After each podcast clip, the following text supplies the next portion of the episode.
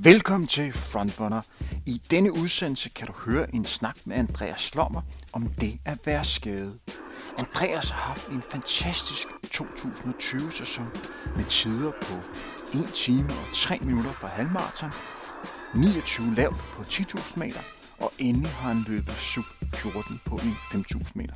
Det er altså en af Danmarks absolut bedste løber, I skal høre en snak med. Desværre løb Andreas ind i en skade op hovedet VM i halvmarathon, og det er denne skade, vi tager en snak om i denne udsendelse. Udsendelsen I hører er sponsoreret af Saucony. Undervejs kan I ligeledes finde et sponsoreret element fra Saucony. Og husk, det er partner som dem, der gør, at vi kan producere denne udsendelse. God fornøjelse. Goddag og velkommen til endnu et afsnit af Frontrunner. Personen, vi skal snakke med i dag, nemlig Andreas Slommer, er en løber, som jeg har haft den store fornøjelse af at høre til hele tre gange i løbet af efteråret, sommeren og 2020. Årsagen er ikke kun det faktum, at Andreas er en yderst sympatisk ung mand, men også det, han rummer en interessant historie, som vi øh, går lidt mere i dybden i i dag. Vi skal nemlig have fokus på, hvad det siger at være skadet, og hvad er det for en periode, man går igennem, når man som løber er skadet. Det er desværre noget, som du hører med til, når man vælger at gå ind og være løber. Så nu skal vi altså blive klogere på, hvordan det er at opleve noget af den lidt triste del af det at være øh, løber. Velkommen til, Andreas. Mange tak. Hvordan går du og har det? Øh, du bor og arbejder til daglig i Odense. Jeg ved, at du er studerende, men hvordan er din dagligdag påvirket af corona? Jamen, øh, den er faktisk ikke øh, så meget påvirket, fordi jeg er ved at skrive øh, speciale. Så, øh, så på den måde så har jeg ikke så mange forpligtelser med, med timer eller med, med andre, så mange andre mennesker. Så det er, det er jo selvfølgelig alle de her restriktioner, vi alle sammen er underlagt, men sådan rent studiemæssigt øh, har det ikke den store betydning. Så det er egentlig meget heldigt, når det nu skal være.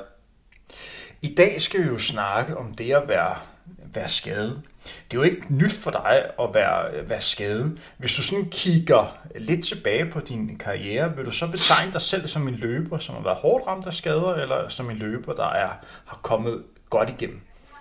Øhm, ja, jeg tror, jeg ligger sådan lidt i midten. Øhm, jeg synes, at jeg har haft min, min del af skader, men, men jeg kender også andre, som har været væsentligt hårdere ramt, end jeg har. Øhm, og igen, jeg kender også nogen, der ikke har været lige så hårdt ramt, så jeg tror, jeg er meget sådan en, et gennemsnit, eller hvad skal man sige, det omkring. Tror du, der er nogen løber, der er mere udsat for at blive skadet end andre?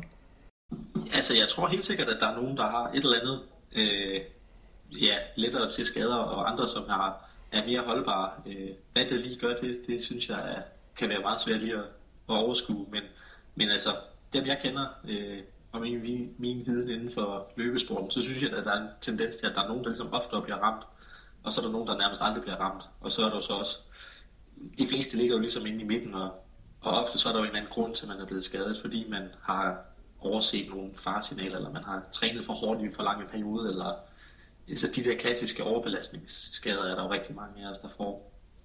Fordi man hele tiden vil vil nå at træne så meget som muligt, men, øh, og så ligger man lige på grænsen hele tiden, og så på et eller andet tidspunkt, så går det jo galt. Før vi går endnu mere i dybden med det emne, så skal vi også lige have fokus på det faktum, at du rent faktisk har haft en glimrende sæson her i 2020. Det var et år, der startede med en flot ny personrekord på halvmarathon, hvor du kom under de her 64 minutter. Så er du også kommet under 30 minutter på, øh, på banen, og så også komme under 14 minutter på, på 5.000 meter, ligeledes på banen. Når du sådan tænker tilbage på 2020, hvad springer så især i øjnene? Hvad, øh, hvad for en moment husker du allerbedst? Øhm, jeg tror, det vil nok være altså, i Barcelona øh, var nok øh, øh, det bedste, og, og det, der ligesom husker allerbedst. Øh, fordi det var jo lige i starten der i, i februar, hvor at, øh, vi stadig kunne få lov til at løbe normalt, og, og der var ligesom et skud i bøssen til at klare det her VM-krav på halvmarathon på de her 64 minutter. Og det hele det spillede bare den dag, og jeg var, hvad kan man sige, min egen lykkesmed, øh, lavede alt arbejdet selv og, og kom i mål under de 64 minutter, og det var bare, ja, alt var bare som det skulle være lige den dag. Øh, så det var, det var helt perfekt. Hvad har været den største skuffelse i år? Altså, det er nok øh, alle de løb, der er blevet aflyst. alle de fringer, man har haft til ting, man skulle, skulle ud og konkurrere. Øh, ja, vi vil jo selv rigtig gerne have løbet et enkelt, eller i hvert fald eller også gerne to maratonløb i år. Men, men det er bare gang på gang, at tingene er blevet aflyst. Det, det er helt klart det, som, som overskygger det hele, synes jeg. Er du blevet bedre løber her i 2020? Det synes jeg uden tvivl, at det er. Det, og det synes jeg også, at mine, mine resultater har vist, at, at jeg har rykket mig. Øh, Udover... Så, så det er jeg slet ikke i tvivl om, at det er blevet. Udover det rent tidsmæssigt, kan du også fortælle om, hvad for nogle ting rent træningsmæssigt, hvor du kan mærke, at du har rykket dig? Kan du mærke, at din udholdenhed er blevet bedre? Kan du mærke, at din speed er blevet bedre? Eller kan du for eksempel mærke, at din resolution også er rykket sig? Altså, det er, det er primært på, hvad kan man sige, træningen, synes jeg, at jeg kan mærke, at jeg kan, kan holde til at løbe mere. Øhm, jeg er blevet bedre til at, at løbe de længere ture og lange intervaller. Selvfølgelig også, fordi jeg begynder lidt mere. Men også bare det her med at kunne, kunne presse mig selv, øh, fordi jeg jo lægger og træner mange af mine intervaller selv, fordi jeg jo fokuserer lidt længere end mange af de andre fra Odense Atletik, øh, som jeg ellers træner med normalt. Så, så på den front til ligesom at kunne gå ud og sige, nu skal jeg bare løbe de her 3 gange 5 km for eksempel, og så gøre det selv, det, det føler jeg er blevet meget bedre til inden for det sidste års tid, end, end det ellers vi har været. Der har jeg tit haft brug for nogen, eller hvad skal man sige, til at løbe intervaller med. Så der føler jeg, at jeg har rykket mig der. Hvis vi sådan skal have fokus på, øh, på den skade, som du døjer med lige i øjeblikket.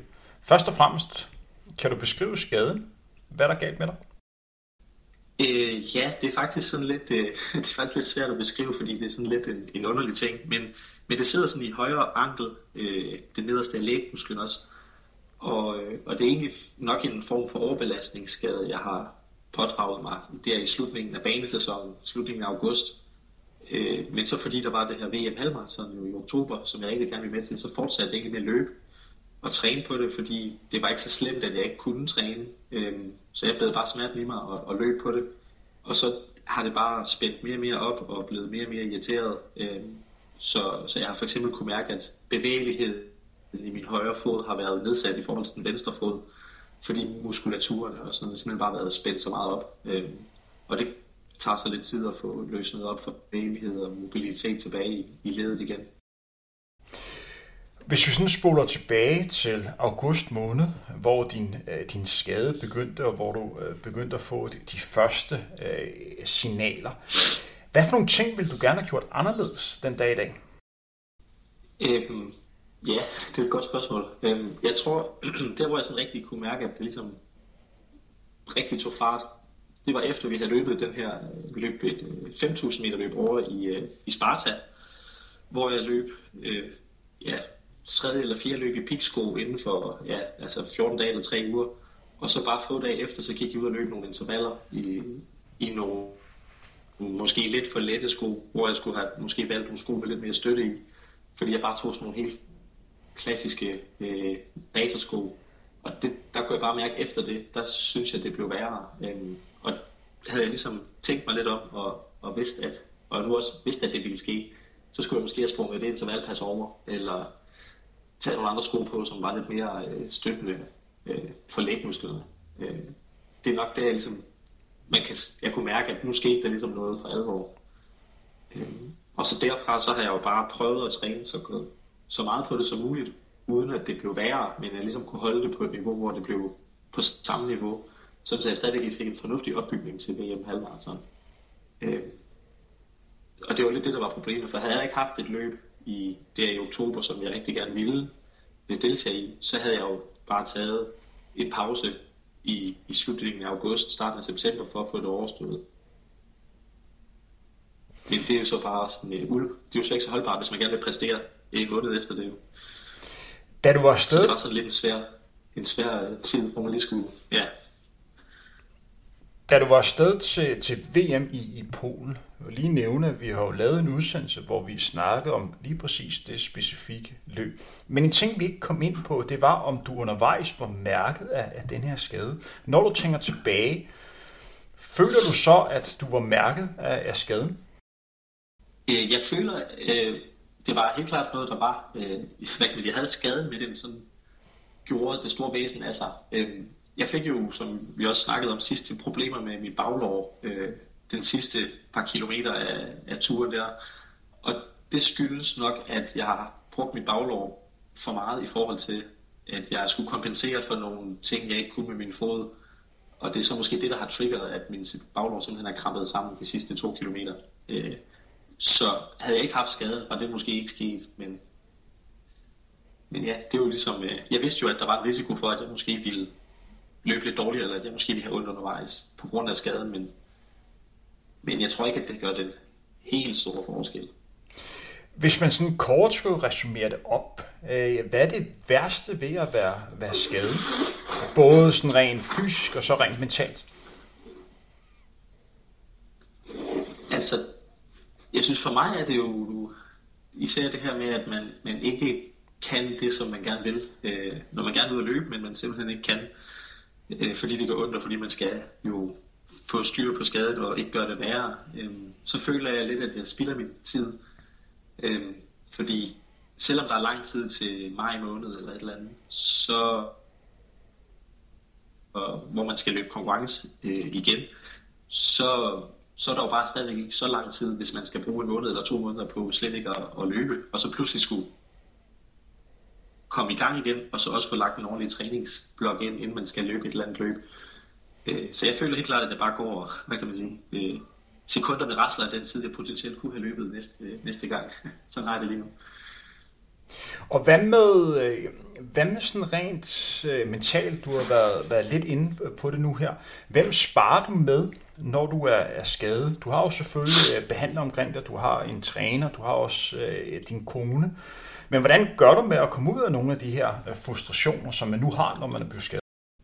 Altså, jeg, prøver, jeg snakker meget med min kone om det. Øh, sådan de, når jeg er irriteret over det, eller hvad det nu kan være, øh, så er jeg rigtig god til at lægge øre til øh, alle mine brokkerier. Øh, og ligesom bare lytte, lytte til det der er jo ikke nogen, der kan sige noget eller gøre noget, som pludselig får det til at gå væk øh, skadet. Men man har bare brug for nogle gange at få luftet, at man er bare mega træls øh, og har det rigtig, har det rigtig dårligt med, at man ikke kan det, som man gerne vil. Øh, så der er det rart, at der er en, der ligesom er forstående og, og gerne vil lytte til, at man lige hælder lidt gylde ud.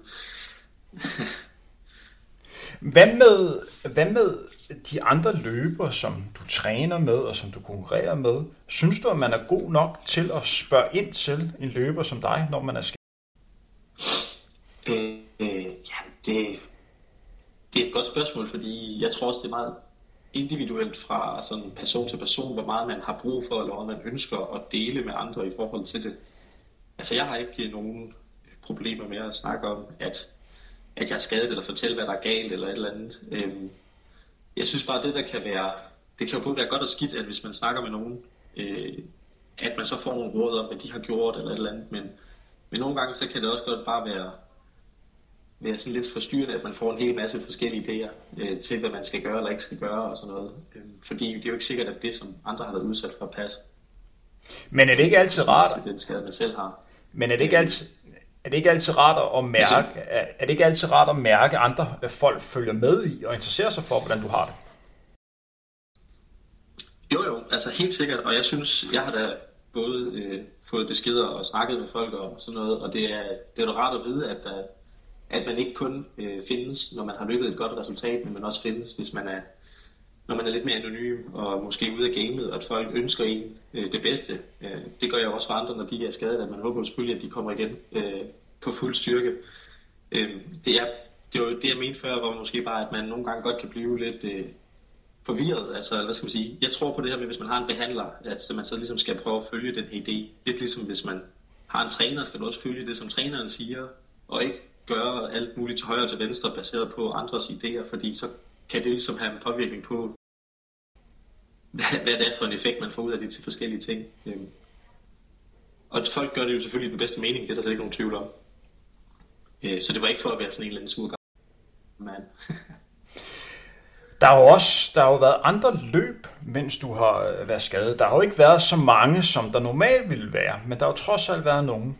Der har jo blandt andet været et, et maratonløb i Flakkebjerg, et maratonløb, som du også har kigget mod og overvejet selv at deltage i. Det var et løb, hvor der blev opnået flotte resultater. Blandt blandt andet så Rune Bækgaard løb på 2 timer og 16 minutter. Sad Andreas ikke der og tænkte, mm, der kunne jeg godt have været med der. Jo, det var, det var rigtig træls, at jeg ikke øh, var med til det løb. Det var, det var planen, at jeg skulle øh, have løbet over og, og trænede os efter det, men var simpelthen nødt til øh, en lille uge før at sige, det, det går ikke. Altså, det går for, simpelthen for ondt øh, med den her skade her. Risikoen for at gøre det meget værre er alt for stor ved at gå ud og løbe sådan en maraton. Så jeg var da jeg var brændt ærgerlig over det, og især når de andre de drenge, de løb, øh, de løb sådan nogle flotte tider og sådan nogle flotte løb, så var det jo ekstra ærgerligt, at man ikke kunne have været med og selv fået øh, en rigtig god dag og forhåbentlig en god oplevelse ud af det. øh, så det var da det var rigtig træls. Men jeg var også rigtig glad for at se, at, at det lykkedes for de andre, at, at de kom, mange af dem kom i mål med de øh, forhåbninger og de ønsker, de havde for løbet. Så det var mega fedt at se. Men, men kunne du holde til at øh, følge med i undervejs? Der var ikke noget live-dækning, udover at man sådan kunne følge med på, på sociale medier. Men var der noget, som du har fokus på den dag? Fordi jeg kan da huske, at da jeg øh, selv var aktiv og var, var skadet, man ønskede det bedste for sine øh, kollegaer og virkelig håbede, at folk løb stærkt. Men det gjorde også ondt på en selv, når, når der var et løb, som man selv gerne ville være med i. Jamen, det, det er der ikke nogen tvivl om. Øhm, altså, jeg var, jeg var mega nysgerrig, og jeg sad og prøvede at følge med og se, kunne, jeg, kunne der komme nogle opdateringer, og jeg så, der var nogle øh, Instagram-opslag og sådan noget, og, og prøvede at finde så hurtigt som muligt, øh, jeg, at jeg kunne se en resultatliste, øh, fordi jeg kunne simpelthen ikke, øh, min nysgerrighed kunne ikke, øh, kunne ikke styres der, øh, og jeg havde ligesom, jeg kan sige, accepteret, at, at det var den rigtige beslutning ikke at løbe, øh, fordi jeg jo havde haft nogle, en uges tid til ligesom at bearbejde det, hvad skal man sige, hvis nu det havde været dagen før, at jeg ikke kunne komme over, øh, så havde det måske været lidt mere ærgerligt. Øh, men nu havde jeg ligesom haft nogle dage til ligesom at sige, okay, det er faktisk den rigtige beslutning ikke at løbe, fordi selvom jeg havde stillet op, så altså, kunne jeg måske løbe 5 km, så var jeg nødt til at stoppe. Øh, så, så, så jeg var ligesom afklaret med det, og var bare spændt på at se, hvad de andre drenge de ligesom kunne præstere. Da jeg var aktiv, og det er jo ikke nogen hemmelighed, at dem der kender min karriere godt er klar over, at jeg har også haft mine skadesudfordringer. Der var en løber, som ikke var vant til at være skadet, der sagde, Brenner, det er, jo, det er jo mega hårdt for mig. Jeg er skadet for første gang. Det er meget nemmere for dig, når du er skadet, fordi du har prøvet det så mange gange. Er det nemmere at være, at være skadet, hvis man har prøvet det flere gange? altså, det, det, er jo, øh, det er i hvert fald... Jeg ved ikke, om det er nemmere, men, men man ved jo, at det næsten altid går over. Øh, det er de færreste, som pludselig bare løber ind i den første skade, og så ser man dem aldrig igen. Øhm, så på den måde ved man, at, at det nok skal gå. Spørgsmålet er bare, om det tager en uge, eller en måned, eller seks måneder. Øhm, så på den måde kan man ligesom finde lidt trøst i det, og man, og man kender jo ligesom også til det her med, hvordan man så selv reagerer, når man har prøvet det før, og ved, at man skal, skal takle det på den ene eller på den anden måde. Øh, hvor første gang man så har en rigtig skade, ikke, så skal man ligesom finde ud af alle de her ting. Men jeg tror, uanset hvor mange gange man har været skadet, så er man, så er man lige så frustreret over det, og lige så træt af det, og ked af, at, det, at man er lige ramt ind i det. og det kommer altid på et, et dårligt tidspunkt. Altså skaderne kommer altid på de mest ubelejlige tidspunkter. I den her periode, hvor mange dage eller uger har du rent faktisk haft, hvor du ikke har været i stand til at kunne løbe? Øh, jamen, jeg tror, at jeg er på hver fjerde uge nu. Øh, fordi jeg havde sådan to uger, hvor jeg ligesom havde sæsonpause, hvor det var meningen, at jeg ikke skulle løbe. Øh, det var planlagt helt fra starten. Øh, så der løb jeg ikke, og det var ligesom meningen, og der håbede jeg så, at det ville hjælpe på skaden her. Og så har jeg så haft, øh, det er så fire uger nu, efter de to uger, så det vil sige, det er ikke seks uger nu, øh, at jeg ikke har trænet sådan noget sønderligt. Øh, jeg har løbet en lille smule her de sidste fire uger, men det er jo sådan noget 30 km om ugen måske, eller sådan noget. Så det er jo ikke det, der batter det helt store. Hvordan de her 30 km, som, øh, hvad kan man sige, som du løber, hvordan adskiller de sig i forhold til den normale træning, du ligger og laver? Hvordan øh, bærer du dig ad, når du er, når du er ude? Hvad gør du med, med tempo? Løber du på minutter i stedet for kilometer? Og hvordan øh, finder du ud af, om du skal ligge og løbe 3.30 eller 5.00? Øh, jamen det er jo i en sparring med øh, min behandler, som, som jeg går ved øh, et par gange om ugen næsten øh, for tiden, øh, hvor vi ligesom snakker om, hvad giver mening, øh, hvor meget giver det mening at løbe, eller hvor lidt giver det mening at løbe, og, og så snakker jeg ligesom ham, og så har vi fundet sådan, det er sådan en tur af 3 til 6 km, øh, og så løber jeg egentlig bare, hvad der føles godt, eller skal man sige. Øh, så jeg tænker ikke så meget over, om jeg løber ja, 5-0 eller 3-30. Jeg, jeg løber bare og tænker på, øh, at jeg ikke løber øh, og gør noget som asymmetrisk, så jeg for eksempel ligger og halter en lille smule, eller laver et eller andet underligt for at skåne den fod, hvor jeg så har skaden i, fordi så kan man jo så nogle gange få, få det et andet sted. Ikke? Øh, så det er egentlig mere det, jeg fokuserer på, end det er så meget at lige tempoet. Øh, og når jeg så kommer hjem, så nogle gange så har det været 24, og andre gange har det været 340 eller et eller andet. Det kommer også an på, hvor frisk man lige er på dagen. Tænker du over, hvad for et underlag du, du løber på? Øh, som langdistansløber, har de fleste fokus på at komme til at løbe på lidt mere blødere stier end for eksempel øh, hårde øh, asfaltstykker. Er det noget, som du har fokus på nu her? Nej, det, det er det overhovedet ikke. Øhm, jeg, jeg må sige, personligt har jeg aldrig rigtig købt ind på den der idé med, med det bløde underlag. Øh, fordi jeg, jeg synes i hvert fald i min optik, at det virker kontraintuitivt. At du har sådan nogle helt vildt bløde sko med rigtig meget skub i, og så skulle du så gøre en forskel, om man løber på en asfaltsti eller på en grussti. Øhm, det, ja, det, det er jo, hvad man tror på. Så, så jeg tænker ikke så meget over det. Kan du mærke, når du er ude og, og løbe, hvordan rent formmæssigt du er? Føler du, at du er nogenlunde der, hvor du var, før du blev skadet, eller kan du mærke, at du måske kun er på 85 eller 90 procent? Altså, jeg kan sagtens mærke, at formen den ikke er, hvad den øh, har været. Øhm, især, jeg har prøvet en enkelt gang at løbe sådan en, et lidt, lidt tempo, eller hvad skal man sige, for ligesom at prøve at mærke at få pulsen lidt op igen. Øhm, og det går fint, du ved, sådan de første par kilometer, men så kan man pludselig mærke, at okay, øh, i stedet for at blive træt efter måske 8 km, da vi er 40, så bliver jeg først allerede træt efter 2 km nu. Øh, så, så man bliver ligesom hurtigere ramt. Øh, men når man bare jogger rundt i, i 4-0 eller et eller andet tempo, øh, 34 tempo, et sted derimellem, så synes jeg ikke, at, man, at jeg mærker så meget forskel, fordi at, at man er jo ikke så presset, som, så man kan ikke rigtig mærke, om man der løber på 70 eller 75 procent, eller hvad skal man sige, der, der kan man ikke mærke forskel. Er det noget, som du lægger fokus på, når du er ude og træne?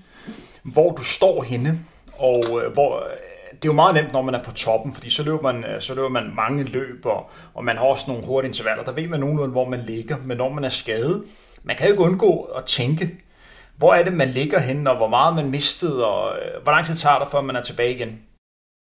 Ja, men det har du, altså det er helt rigtigt. Man, man kan jo i hvert fald bruge meget tid på at gå og tænke på, kan jeg vide, hvor meget tid jeg har tabt.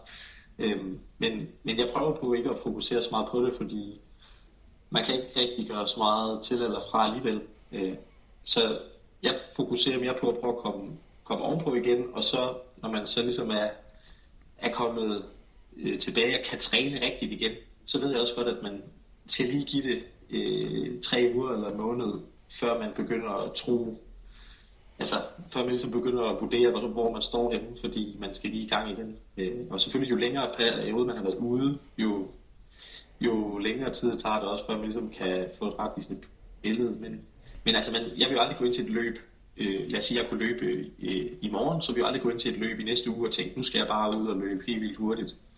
Øh, der er man nødt til at have nogle mere langsigtede briller på, og så sige, okay, hvis jeg får en god måned eller to gode måneder med træning, jamen, så kan jeg godt komme op på samme niveau til sommer, som jeg ellers ville have kunnet, for eksempel.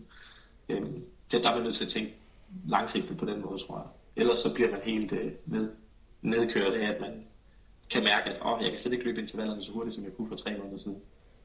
Øh, fordi selvfølgelig bliver man langsommere og dårligere form, når man ikke træner. Andreas, nu er der jo ikke, nu er der jo ikke så mange... Det er ikke nogen hemmelighed. Nu er der jo ikke så mange øh, løb lige i øjeblikket, men lad os sige, at alt var, altså, som det plejede at være, og der for eksempel var, var nytårsløb i Odense. Det ved jeg, at du plejer at være med til. Kunne du finde på at øh, at stille op og så sige, okay, jeg har været skadet over i en lang periode, og min form er ikke særlig god, jeg er i gang med at bygge det op igen, men øh, jeg vil gerne løbe med. Du kan få et, et ganske fint løb, men du kan også få et løb, hvor du bliver slået af mange, som du normalt plejer at slå. Vil du kunne finde på det? Ja, det, det har jeg personligt ikke nogen problemer med. Øhm, jeg, jeg kommer ind til det med den baggrund, som jeg ved, at jeg har med en skade. Så der vil jeg jo bare se det som en god mulighed for at få en god, en god træning ud af det, fordi man nu presser sig selv mere, når man er i konkurrence, end når man løber til et almindeligt træningspas. Øhm, og om jeg så vil blive slået af, af den ene eller den anden, det vil jeg ligesom se bort fra, fordi jeg jo godt ved, at, at situationen er, at man, har, jeg har været skadet inden. Øhm, så, så det har jeg ikke nogen problemer med. Saucony er jo en god samarbejdspartner her på, på Frontrun, og det er også dem, som er partner på, på den her udsendelse. Jeg skal lige nævne, at det ikke dem, der sådan har bedt mig om at snakke specifikt med dig. Jeg har valgt at snakke med dig, fordi jeg mener, at det er yderst relevant at snakke med en løber, som er skadet, og hvad er det for en, en tid, man går igennem. Men du er jo også sponsoreret af Saucony, så det giver jo mening for dig øh, lige at spørge, hvordan var det at skrive under med Saucony og så blive skadet nogenlunde samtidig? Har det ikke, var det ikke en svær situation? Jo, det er, det er super træls, øh, fordi man vil jo gerne, undskyld, øh, man vil jo gerne ud og, og vise, hvad kan man sige, vise det frem, øh, ens tøj og sko, og man vil jo gerne bruge det. Altså jeg har jo nogle sko, øh, som jeg har fået, som jeg ikke engang har haft på endnu, øh, fordi at jeg simpelthen ikke har kunne løbe. Øh, så det er jo mega træls. Øh, man kan så sige, der har jo ikke været så mange øh, konkurrencer, hvor jeg vi har kunne deltage. Øh, så, så, så på den måde er det jo sådan lidt her i uheld. Men det er jo super træls, fordi man, man vil jo gerne give noget igen, og det er jo bare lidt, lidt svært, når man bare sidder og ikke rigtig kan, kan komme ud og, og vise sig frem. Så det er rigtig træls. Kan det være en fordel, når vi sådan kigger frem mod 2021-sæson, at du har haft en periode nu her, hvor du også mentalt har lige mulighed for lige at give lidt ned og samle kræfter igen, og måske stå endnu stærkere næste år? Det, altså, det kan det helt sikkert, øhm, og det er jo også den, øh, derfor, at jeg, som jeg sagde før, at jeg har de her to uger, hvor jeg så var, hvor, hvor det var meningen, at jeg ikke skulle træne, og det var meningen, at jeg bare skulle altså, glemme alt om løbet, eller hvad skal man sige, for netop ligesom at få den her øh, sult igen til at komme ud og træne. Men nu har det varet så længe, at nu tror jeg kun, at det modarbejder og ikke øh, længere har en positiv effekt. Øh, men det er klart sådan en, et, et par uger der, øh, der synes jeg selv, jeg har behov for den der med efter en lang sæson at tage et par uger, hvor man simpelthen bare siger, nu skal jeg ikke fokusere på løb, og det der med at stå tidligt op for at nå det, og alt skal planlægges omkring det, det, det glemmer vi lige, og så slapper man bare af og nyder den tid, man har. Øh, det hjælper helt sikkert, men når du så kommer ud på 6 uger eller 8 uger eller et eller andet, så, så når man bare bliver så træt af det, at, at det ikke bliver bedre. Altså det har ikke en gavnlig effekt derefter, tror jeg. Hvis vi gerne har fokus på det at være, øh, være skadet, som sagt er du igennem her en skadesperiode, men hvad er de bedste råd til andre løbere, som måske er skadet for, for første gang? Hvad kan de lære dig i den her tid? Ja, det, det er et stort spørgsmål. Øhm, jeg vil sige en ting helt generelt øh, omkring skader, men også måske lidt inden man bliver skadet, eller man sige i forebyggelsesperioden. At man, jeg tror, at de fleste løbere skal være bedre til selv at følge de råd, som de giver andre. Øh, jeg har i hvert fald tit stået i den situation, hvor at en eller anden klubkammerat eller sådan noget kommer til træning og siger, at ah, jeg har lige lidt ondt, sådan og sådan. Og så er man jo hurtigt til at sige, men så tag en, tag en dag eller to og det er bedre at tage et par dage i starten, end et par uger senere hen, fordi man lige moser lidt for meget på. Men når det så kommer til en, så er man bare fuldstændig døv og gør det lige det modsatte af, hvad man selv vil have rådet andre til at gøre. Øh, og det, det tror jeg, der er mange, der kan genkende til. Øh, så der bør man måske nok være bedre til at, at lytte til de råd, man vi har givet til andre også. Det har jeg i hvert fald snakket med flere af mine løbekammerater om. I en anden forbindelse snakkede jeg med en, en læge, som arbejder med, med løbeskader her for et par dage siden. Og jeg spurgte ham også ind til, øh, hvad den største udfordring for, var i forhold til løbeskader. Og han sagde, at den største risiko er, at der er rigtig mange løbere, der kommer til at løbe igennem skaden. At de er for dårlige til at reagere på kroppens signaler. Tror det ikke også det, der har gjort, at din skade har udviklet sig, som den har gjort, at du blev nødt til at træne igennem? Jeg siger ikke, du skulle droppe øh, VM halvmarathon, fordi det er jo en, en kæmpe chance, men det med, at du blev nødt til at holde kroppen i gang for at være klar til det løb. Saucony afholder vinterchallenge i Danmarks fire største byer. Så bor du i Aalborg, Aarhus, Odense eller København, har du en gratis mulighed for at få testet formen her over vinteren. Saucony Winter Challenge består i, at du har to uger til at løbe et bestemt Strava-segment for fuld gas og uploade din tur til Strava. Når de to uger er gået, laves der en resultatliste, så du kan se, om du har løbet hurtigere end dine løbekammerater. Hver by vil have 6-8 segmenter hen over vinteren. Du finder flere informationer og kan se segmenterne på Saucony, Danmarks Facebook-side under begivenheder. Jeg vil ligeledes linke til Saucony, Danmarks Facebook-side på Frontrunners Facebook-side. Nu tilbage til dagens udsendelse. Jo, det, altså jeg er slet ikke i tvivl om, at min skade er blevet meget værre af, at jeg har trænet, øh, og det burde jeg ikke have gjort, øh, hvis man skulle have været fornuftig. Øh, og man kan sige, hvis jeg nu var en løber, som, som gang på gang kvalificerede mig til mesterskaber, fordi jeg ligesom havde det niveau, så kunne det måske også være, at en bedre kunne have sagt, okay, jeg er nødt til at give op på den her, og så vente til næste gang. Men jeg ligger sådan, føler jeg lige på grænsen til, måske jeg lige kunne kvalificere mig, måske ikke kvalificere mig. Så jeg ved heller ikke, hvor mange mesterskaber jeg ligesom kan komme ud og deltage i. Øh, så derfor så vil jeg jo gerne gribe de muligheder, jeg har. Øh, og det er jo så velvidende, at det kunne have en, have en konsekvens bagefter. Øh, det var jeg også klar over, at, at jeg nok ville stå bagefter øh, med en værre skade, hvis jeg havde taget pausen med det samme. Andreas, hvis vi sådan kigger lidt frem, og så har fokus på 2021-sæsonen. I år har du løbet en halvmarathon på lige under 64 minutter.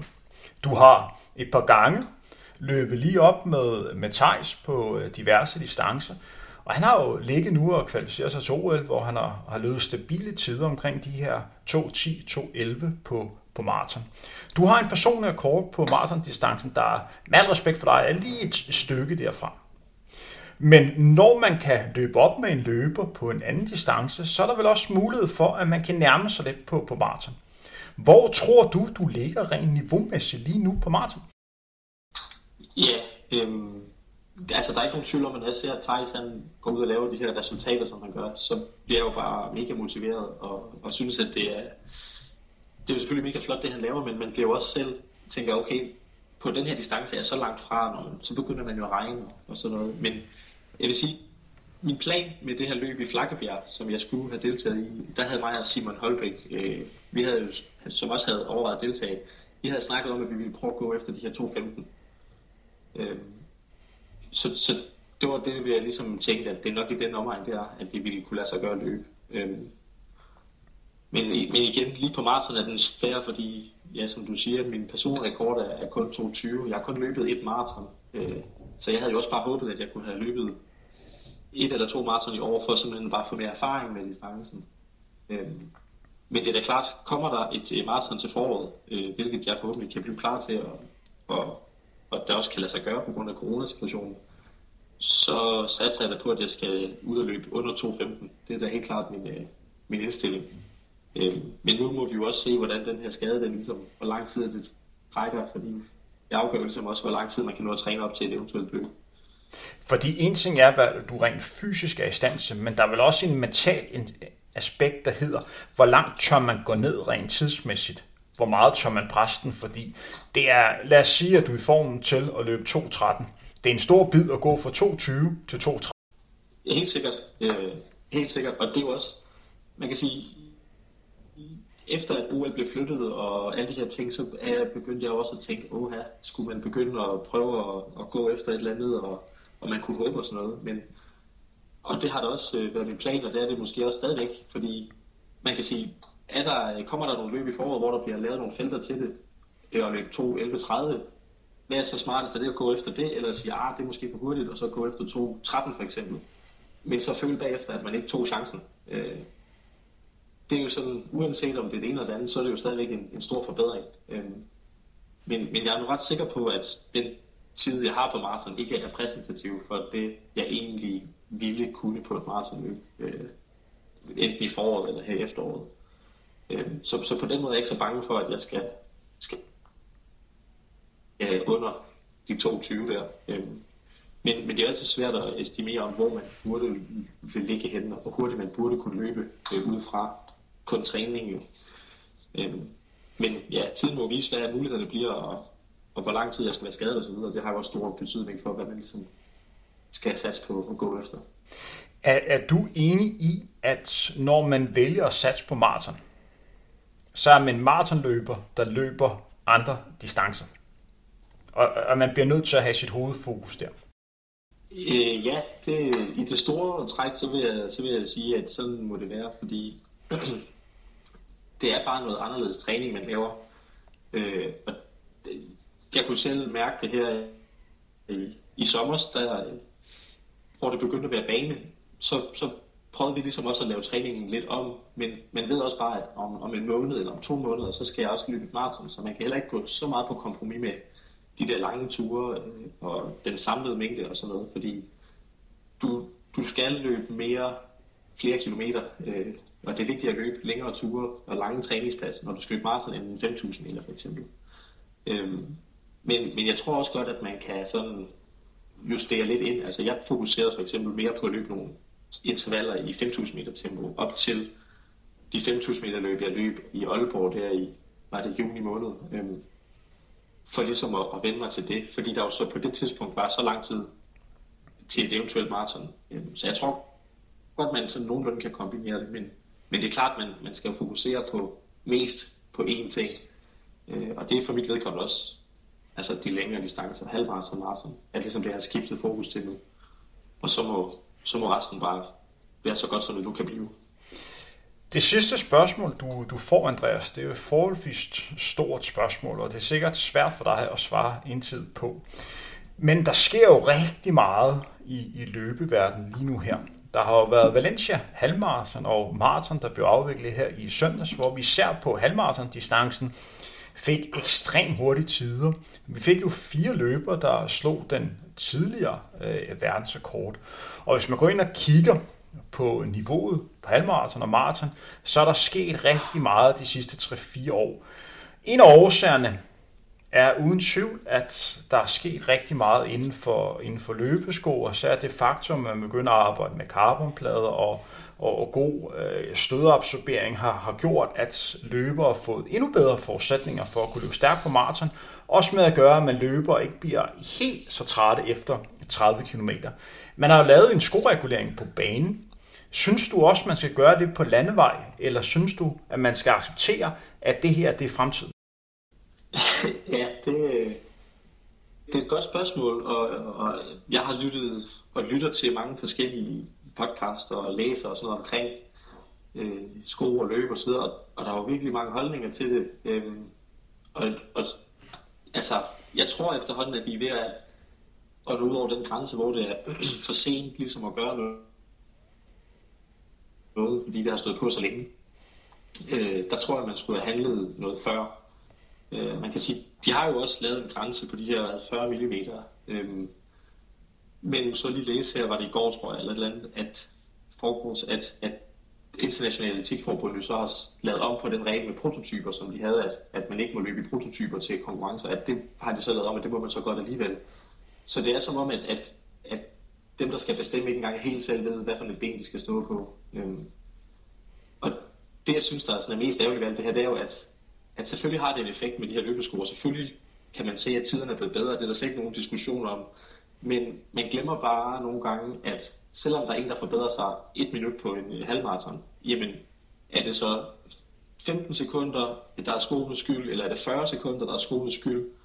Der siger man bare ofte, at men det er jo også på grund af skolen. Og så øh, anerkender man ligesom ikke, at den person rent faktisk også kan have flyttet sig, uanset hvad for nogle sko man løber i.